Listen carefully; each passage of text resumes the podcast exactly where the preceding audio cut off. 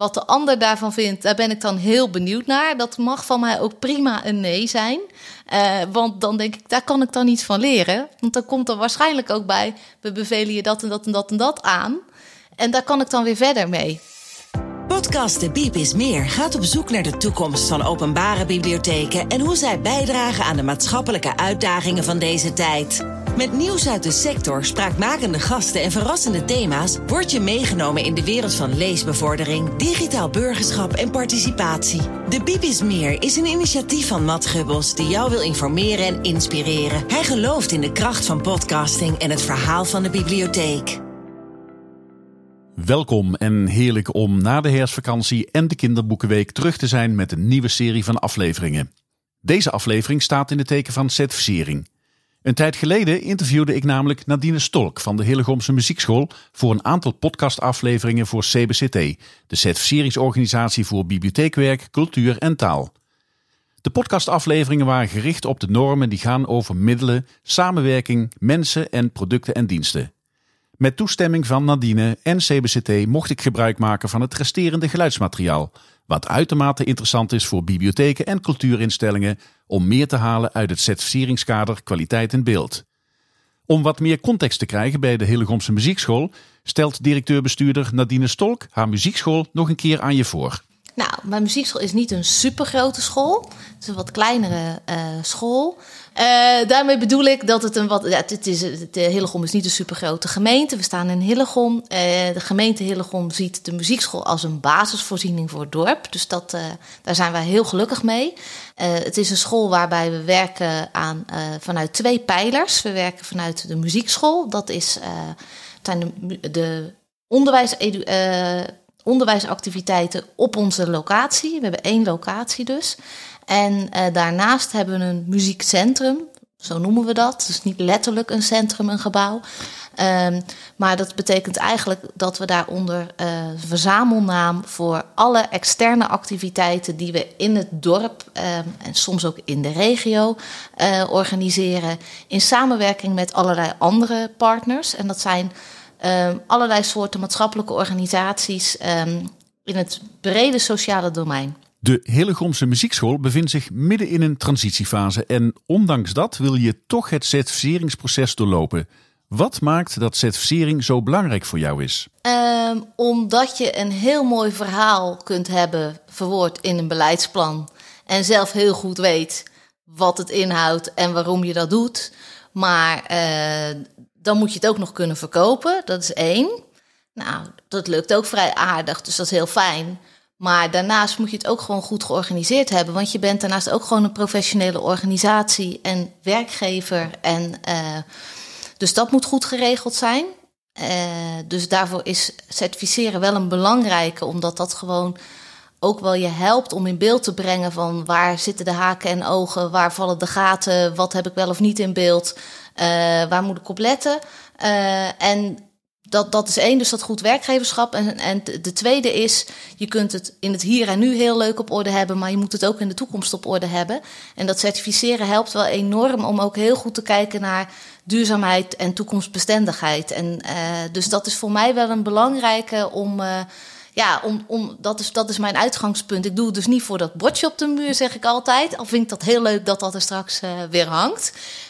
Um, maar ik doe het vooral voor onszelf. Ook om, om, te, ook om te kijken van, joh, uh, ja, zo'n auditor komt gewoon met, met goede aanbevelingen en adviezen. Daar ben ik ook heel benieuwd naar. Want dat zijn waarschijnlijk de dingen, dat hoop ik tenminste, die ik niet zelf had bedacht. Maar dat zijn de blinde vlekken uh, die, die, er, die je altijd hebt, uh, ook als, uh, als bestuurder. En daar ben ik gewoon heel benieuwd naar, omdat dat alleen kan helpen om weer verder te groeien. En ook om de focus te krijgen op wat is dan de volgende stap? Want je bent toch altijd in ontwikkeling. Nadine, vertel eens, hoe pak je zo'n certificering eigenlijk aan? En in het bijzonder de zelfevaluatie waarmee je begint? Nou, voor mij is die zelfevaluatie de laatste stap, eerlijk gezegd. Ik begin met uh, het certificeringskader. Uh, want die, die komt, wordt als eerste vrijgegeven zodra die bepaald is. Dat was vorig jaar in november uh, al. dan ben ik wel degene die al gaat kijken van joh, hoe zit dat in elkaar? Uh, voldoen we daaraan? Wat sluit ons verhaal aan op wat er van ons gevraagd wordt? Waar zitten de blinde vlekken en de gaten? In ons geval heel veel gaten, want we hebben net de coronacrisis overleefd en toen bewust de keuze gemaakt het, eh, het, jaarlijks evalueren van allerlei documenten laten we even liggen. Want die tijd is er gewoon niet, want het is gewoon uh, de overleefstand. Dus dat maakt wel dat, dat je daardoor gewoon een achterstand hebt in je normale evaluatiecyclus. En we zitten dus in die transitie. Dus dat maakte ook wel dat alles wat al op papier stond, dat dat niet een kwestie was van uh, evalueren en eventjes aanpassen, maar soms gewoon echt compleet opnieuw beginnen. En dat kost gewoon heel erg veel tijd.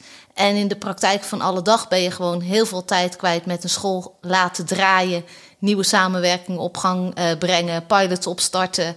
En dan is het gewoon een simpele zaak dat niet altijd al het papierwerk perfect in orde is, maar uh, dat het helemaal in mijn hoofd zit. Maar daar gaan we er natuurlijk niet mee komen. Uh, zowel in het certificeren niet als in dat uh, toekomstbestendig zijn niet. Hè? Dus uh, wat dat betreft, ehm, ja, is ook een stok achter de deur om aan de gang te gaan. dus dat certificeringskader lezen was voor mij stap 1 om echt een beeld te brengen van joh, wat moet er eigenlijk gebeuren? Nou, heb ik als muziekschool gaan wij de derde ronde certificering in. En ook mijn derde ronde. Uh, de eerste keer dat we gingen certificeren, stond er werkelijk helemaal niks op papier en was ik net directeur. Was ik net uh, afgestudeerd uh, aan het conservatorium, dus kwam niet heel erg gelegen, want dat was nou niet meteen mijn expertise.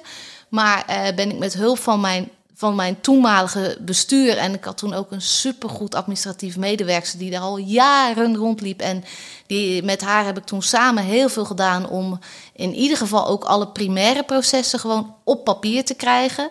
Want er stond niks op papier. Toen hebben we heel veel vastgelegd en toen hebben we gekozen om een digitaal uh, intern handboek te maken. Nou, dat handboek is er nog steeds, ook in die opzet. En de tweede ronde was dat handboek ook de basis van het hele certificeren. Dat was nu ook het plan. Alleen kwam ik erachter met zo'n grote transitie. Ja, is dat handboek niet een kwestie van eventjes eh, punt voor punt eventjes leuk doornemen. Maar moet eigenlijk het hele handboek gewoon opnieuw ingericht worden. En um, ja, dat, dat is best wel een klus. Dus dat is, uh, dat, dat is waar, waar ik. Uh, wat, dat, dat is de volgende stap, wat mij betreft. En Daarna komt die zelfevaluatie. Nou, op een gegeven moment gaat dat natuurlijk door elkaar lopen, want wil je toch wel op basis van die zelfevaluatie even kijken van joh, uh, zit ik de goede richting uh, op te werken of uh, is mijn handboek straks helemaal iets anders dan wat er voor de certificering wordt gevraagd? Dat is ook niet helemaal de bedoeling. Dus um, zodra de zelfevaluatieformulier er was, het nieuwe formulier wat bij deze certificeringskader hoort, ben ik ook gaan kijken van joh, sluit dat aan bij het handboek of is het toch handiger dan ook uh, om het uh, net een beetje anders in te richten? En daarvoor heb ik dan vooral die ja-nee vragen gebruikt. Je hebt eerst per norm ja-nee vragen. Nou, dan krijg je al best wel een beeld van zit echt alles waar we aan moeten voldoen ook echt in dat handboek? Zo nee, waarom missen we dat of missen we die stap? Hoe gaan we dat uh, regelen? Is dat iets wat op korte termijn past? Of is dat iets wat gewoon überhaupt niet zo makkelijk te regelen is in onze organisatie? En welke keuze maak ik dan? Stel ik het uit? Pak ik nu alvast een eerste stapje? Of uh, denk ik, ja, dat is heel leuk, maar dat past niet bij onze organisatie. Dus ik ga het gewoon überhaupt niet doen, want dit richten wij op een andere manier in. Nou, dat is het, de volgende stap in het proces. En de laatste stap is dan die beoordelingsvragen invullen. Die, die bekijk ik natuurlijk tussendoor wel regelmatig even met een schuin oog van... zit ik nog uh, op de goede route? Maar eigenlijk pas als mijn hele handboek op orde is... en ik kan al die ja-nee-vragen beantwoorden met ja... Of nee, maar eigenlijk doen we dat best wel heel erg goed, want we doen dat zus of zus of zo. Um, dan pas ga ik de zelfevaluatie invullen, zodat ik achter elkaar ook de juiste documenten die het ondersteunen kan uh, uploaden. hey, en hoe zit dat nou met die ja-nee-vragen die je voor zeven normen moet beantwoorden? Moet je ze allemaal met ja kunnen en willen beantwoorden? Ja, dat zeg ik heel hard tegen mezelf, omdat ik zo'n persoon ben die gewoon 100% overal op wil scoren en toch liefst overal ja op antwoord. Maar, en ik denk ook dat we daar uiteindelijk straks op uitkomen, dat er overal een ja komt. Maar uh, ik merk ook wel dat het soms wel heel erg lastig is. Dat dit hele kader is natuurlijk geschreven voor echt heel breed. Voor bibliotheken, muziekscholen, grotere culturele instellingen. Uh, dan zijn wij wel een van de kleinere organisaties. En alleen met muziekactiviteiten, dus niet ook nog beeldende kunst of dans.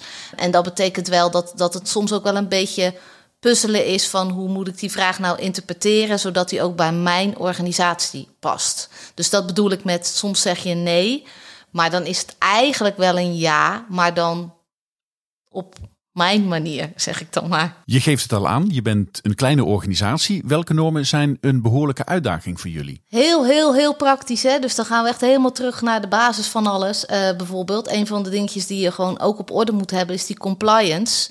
Ja, dus in een kleine organisatie zijn dat wel heel veel regels en wetgevingen. Daar wil ik allemaal aan voldoen, want ik vind het belangrijk om goed werkgever te zijn. Um, en ik wil het goed geregeld hebben. Maar nou, ik noem maar eventjes een BHV-plan. Nou, met 25 mensen die allemaal parttime werken, soms variërend van twee uurtjes per week tot 20 uur per week. De meeste zitten in de categorie 2 tot 5 uur is het een beetje ja, een soort bijenkorf waar de hele dag iedereen in en uit vliegt. Uh, roosters zijn ook flexibel per week, want ik vind dat belangrijk, afstemmend bij de docent, eh, aansluitend bij de docent en aansluitend bij de klant. Dat betekent dat dat eigenlijk niet te organiseren is om uh, te zorgen dat er altijd een BHV'er is op elk moment van de dag. Dus ook op het moment dat er iemand ziek is. Of ook op het moment dat ik, want ik ben werk fulltime, ik ben er het meest. Ook op het moment dat ik een afspraak buiten de deur heb. Dat zijn van die dingen, dan kies ik gewoon bewust voor, ja, we hebben het niet helemaal volgens de wetgeving geregeld, maar ik zorg wel dat de randvoorwaarde is: het is veilig. Dus ik heb dan op een andere manier geborgd dat wel iedereen die geen BHV'er is, dan wel weet wat moet ik doen op het moment dat er een brandalarm gaat of uh, hoe moet ik ontruimen? Wie moet ik bellen? Waar moet ik naartoe?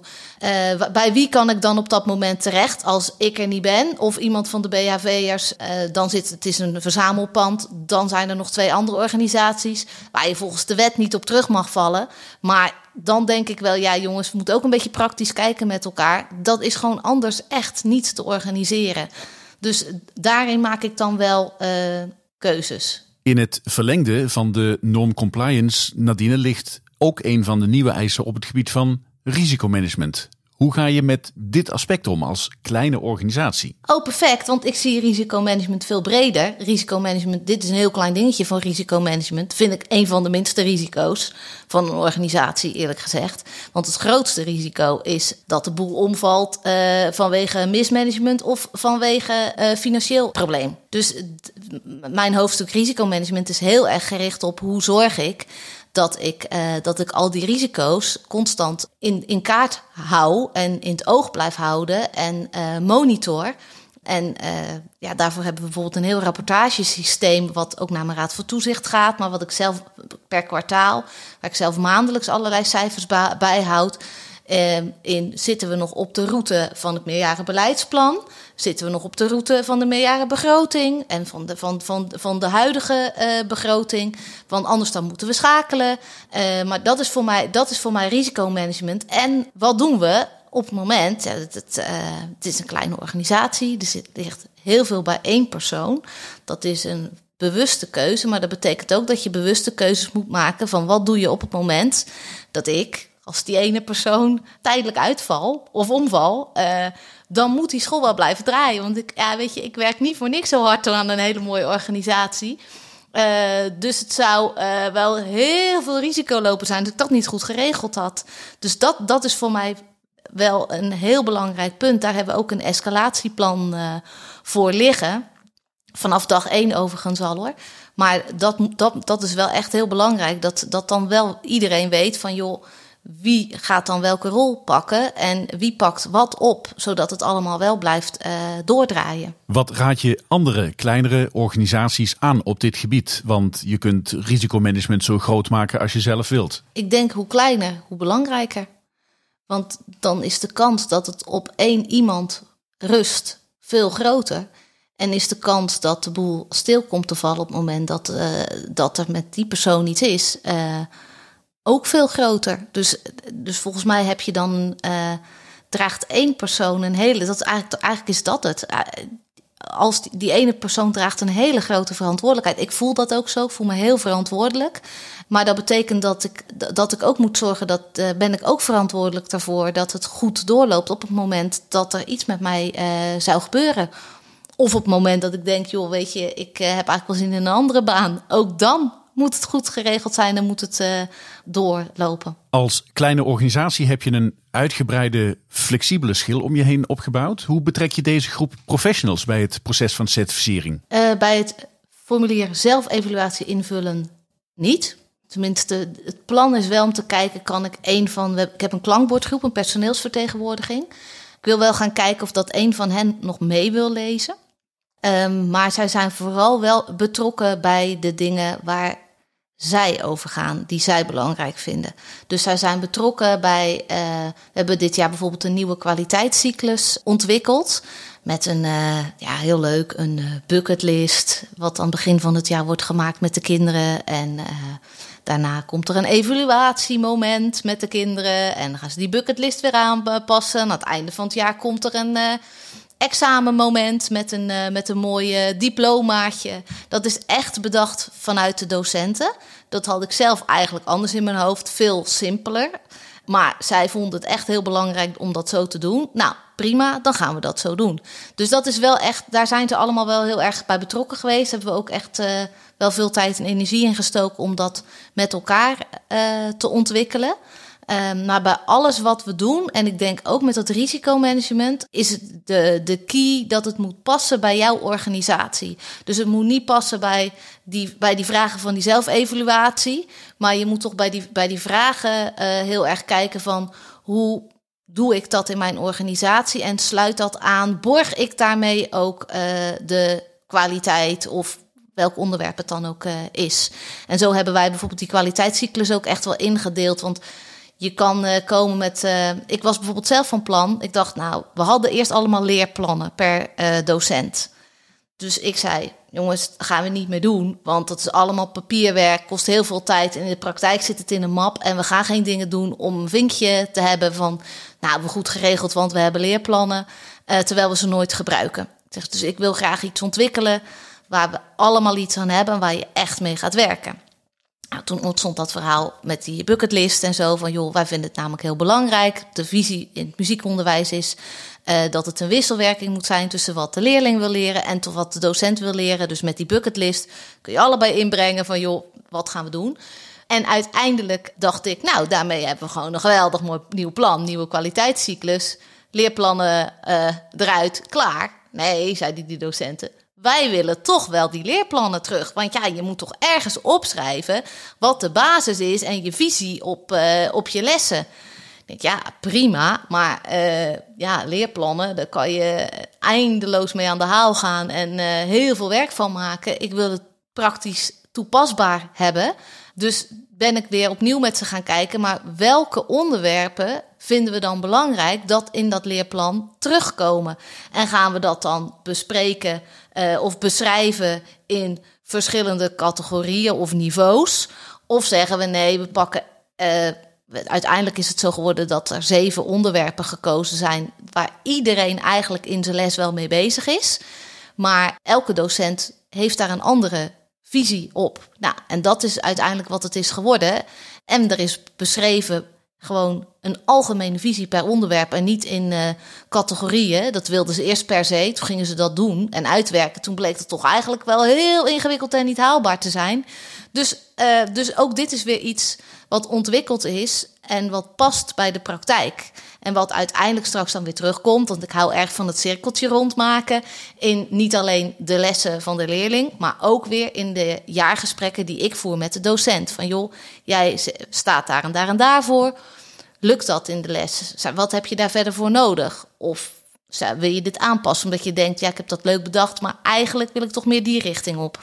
Ten slotte, hoe ga jij om met het aantoonbaar maken dat jouw organisatie en jullie producten en diensten maatschappelijke impact hebben? Ja, wat ik zelf ook nog moeilijk vind en wat natuurlijk ook heel moeilijk hieraan is, is Ja, en hoe bewijs je dat dan en hoe maak je dat dan meetbaar? Want dat is de volgende stap. En dat gaat niet altijd over, ik zeg altijd, het gaat niet over kwantiteit, maar over kwaliteit. Dus ook niet over hoeveel mensen doen ermee. Uh, dat is dus hetzelfde gesprek wat ik met de gemeente voer over, uh, want bij een nieuw beleidsplan horen dus dan ook nieuwe prestatieafspraken. De oude prestatieafspraken waren erg gericht op kwantiteit. De nieuwe prestatieafspraken zijn gericht op deels ook gericht op die kwaliteit. Daar is die maatschappelijke impact ook al in terug te zien, omdat ik daar heel erg voor pleit dat, uh, ja, dat als je die vraag bij ons neerlegt, en want dat geluk hebben wij, hè, dit is onze visie, maar die sluit naadloos aan bij de visie die de gemeente heeft. De gemeente heeft uh, een uh, maatschappelijke agenda. Uh, dat betekent dat ze van alle organisaties die subsidie uh, krijgen, vraagt om een bijdrage te leveren aan zeven pijlers, zeven grote vraagstukken, waaronder eenzaamheid, talent, ontwikkeling. Die passen natuurlijk heel simpeltjes bij ons, maar ik noem eenzaamheid. eenzaamheid is eentje die ik heel belangrijk vind. Sterker nog, ik ben, eh, of wij moet ik dan zeggen, maar goed, in de praktijk ben ik dat natuurlijk. Ben ik kartrekker van de lokale coalitie uh, Eenzaamheid, waarin ik samen zit met uh, een welzijnsorganisatie, een uh, woon, woonco wooncoöperatie, iemand daar vanuit een beleidsmedewerker van de gemeente, iemand met een sportschool. en met elkaar slaan we de handen in één om daar van betekenis te zijn. Nou, dat zijn dingen die heel mooi zijn om te vertellen. Maar dan komt hij weer. Je kan een heel mooi verhaal hebben. Maar hoe laat je nou zien dat je echt iets bereikt op dat punt? Ja, dat is ook niet altijd meetbaar. En ik denk dat uh, dat, dat de uitdaging is die er nu ligt. Hoe zorgen we ervoor dat we niet alleen een mooi verhaal hebben, dat we ook mooie nieuwe activiteiten van de grond krijgen. Die zijn er ook al heel veel. Maar hoe zorgen we er nou ook voor dat we laten zien dat die ook echt onmisbaar zijn voor dat dorp. En dat wij dus onmisbaar zijn voor dat dorp. Is muziek daarmee een belangrijke schakel voor het werken aan maatschappelijke vraagstukken op lokaal niveau? Ja, muziek kan daar natuurlijk een enorm mooi middel in zijn om mensen met elkaar te verbinden en om mensen dat eerste stapje te laten zetten om weer mee te gaan doen. En dat is, uh, dat is, dat is de visie van gemeente Hillegom, die ik ook heel mooi vind. Een leven lang uh, meedoen. Uh, en iedereen moet mee kunnen doen. Ja, dat, dat, dat, uh, dat sluit natuurlijk ontzettend mooi aan bij ons eigen uh, beleidsplan. Daarmee zeg ik niet, want dat is een andere valkuil, dat wij het beleidsplan geschreven hebben op, de, op het beleid van de gemeente Hillegom. Maar het is wel heel mooi dat het zo mooi aansluit. Maar dat is wel het andere wat je gewoon heel erg ziet. Um, je moet het met elkaar doen. En zeker in een dorp. Je moet het met elkaar doen.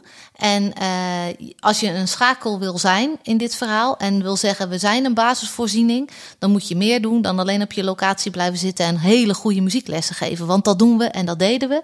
Maar, en dat blijven we doen. Maar willen we dat kunnen blijven bieden, dan hebben, moeten we ook dat andere doen. Je hebt het gehad over de jaatjes en de neetjes, maar waar ben je vooral benieuwd naar, naar aanleiding van jouw certificering? Ik denk dat de insteek altijd moet zijn dat je zelf denkt dat je overal uh, uh, ja opscoort. En dat het dan, uh, wat de ander daarvan vindt, daar ben ik dan heel benieuwd naar. Dat mag van mij ook prima een nee zijn. want dan denk ik, daar kan ik dan iets van leren. Want dan komt er waarschijnlijk ook bij, we bevelen je dat en dat en dat en dat aan. En daar kan ik dan weer verder mee.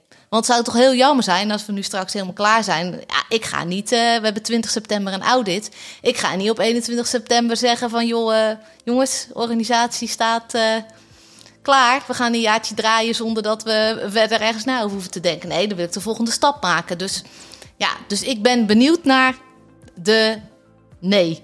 Tot zover deze aflevering met Nadine Stolk van de Hillegomse Muziekschool over nut en noodzaak van certificering en hoe je het als kleine organisatie kunt aanpakken.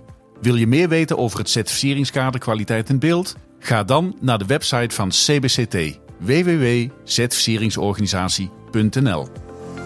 Bedankt voor het luisteren naar deze aflevering van De Biep is Meer. Heb je zelf een mooi verhaal om te vertellen? Neem dan contact op via info.onderzoekmeteffect.nl. De Biep is Meer is een initiatief van Matt Gubbels. Hij gelooft in de kracht van podcasting en het verhaal van de bibliotheek.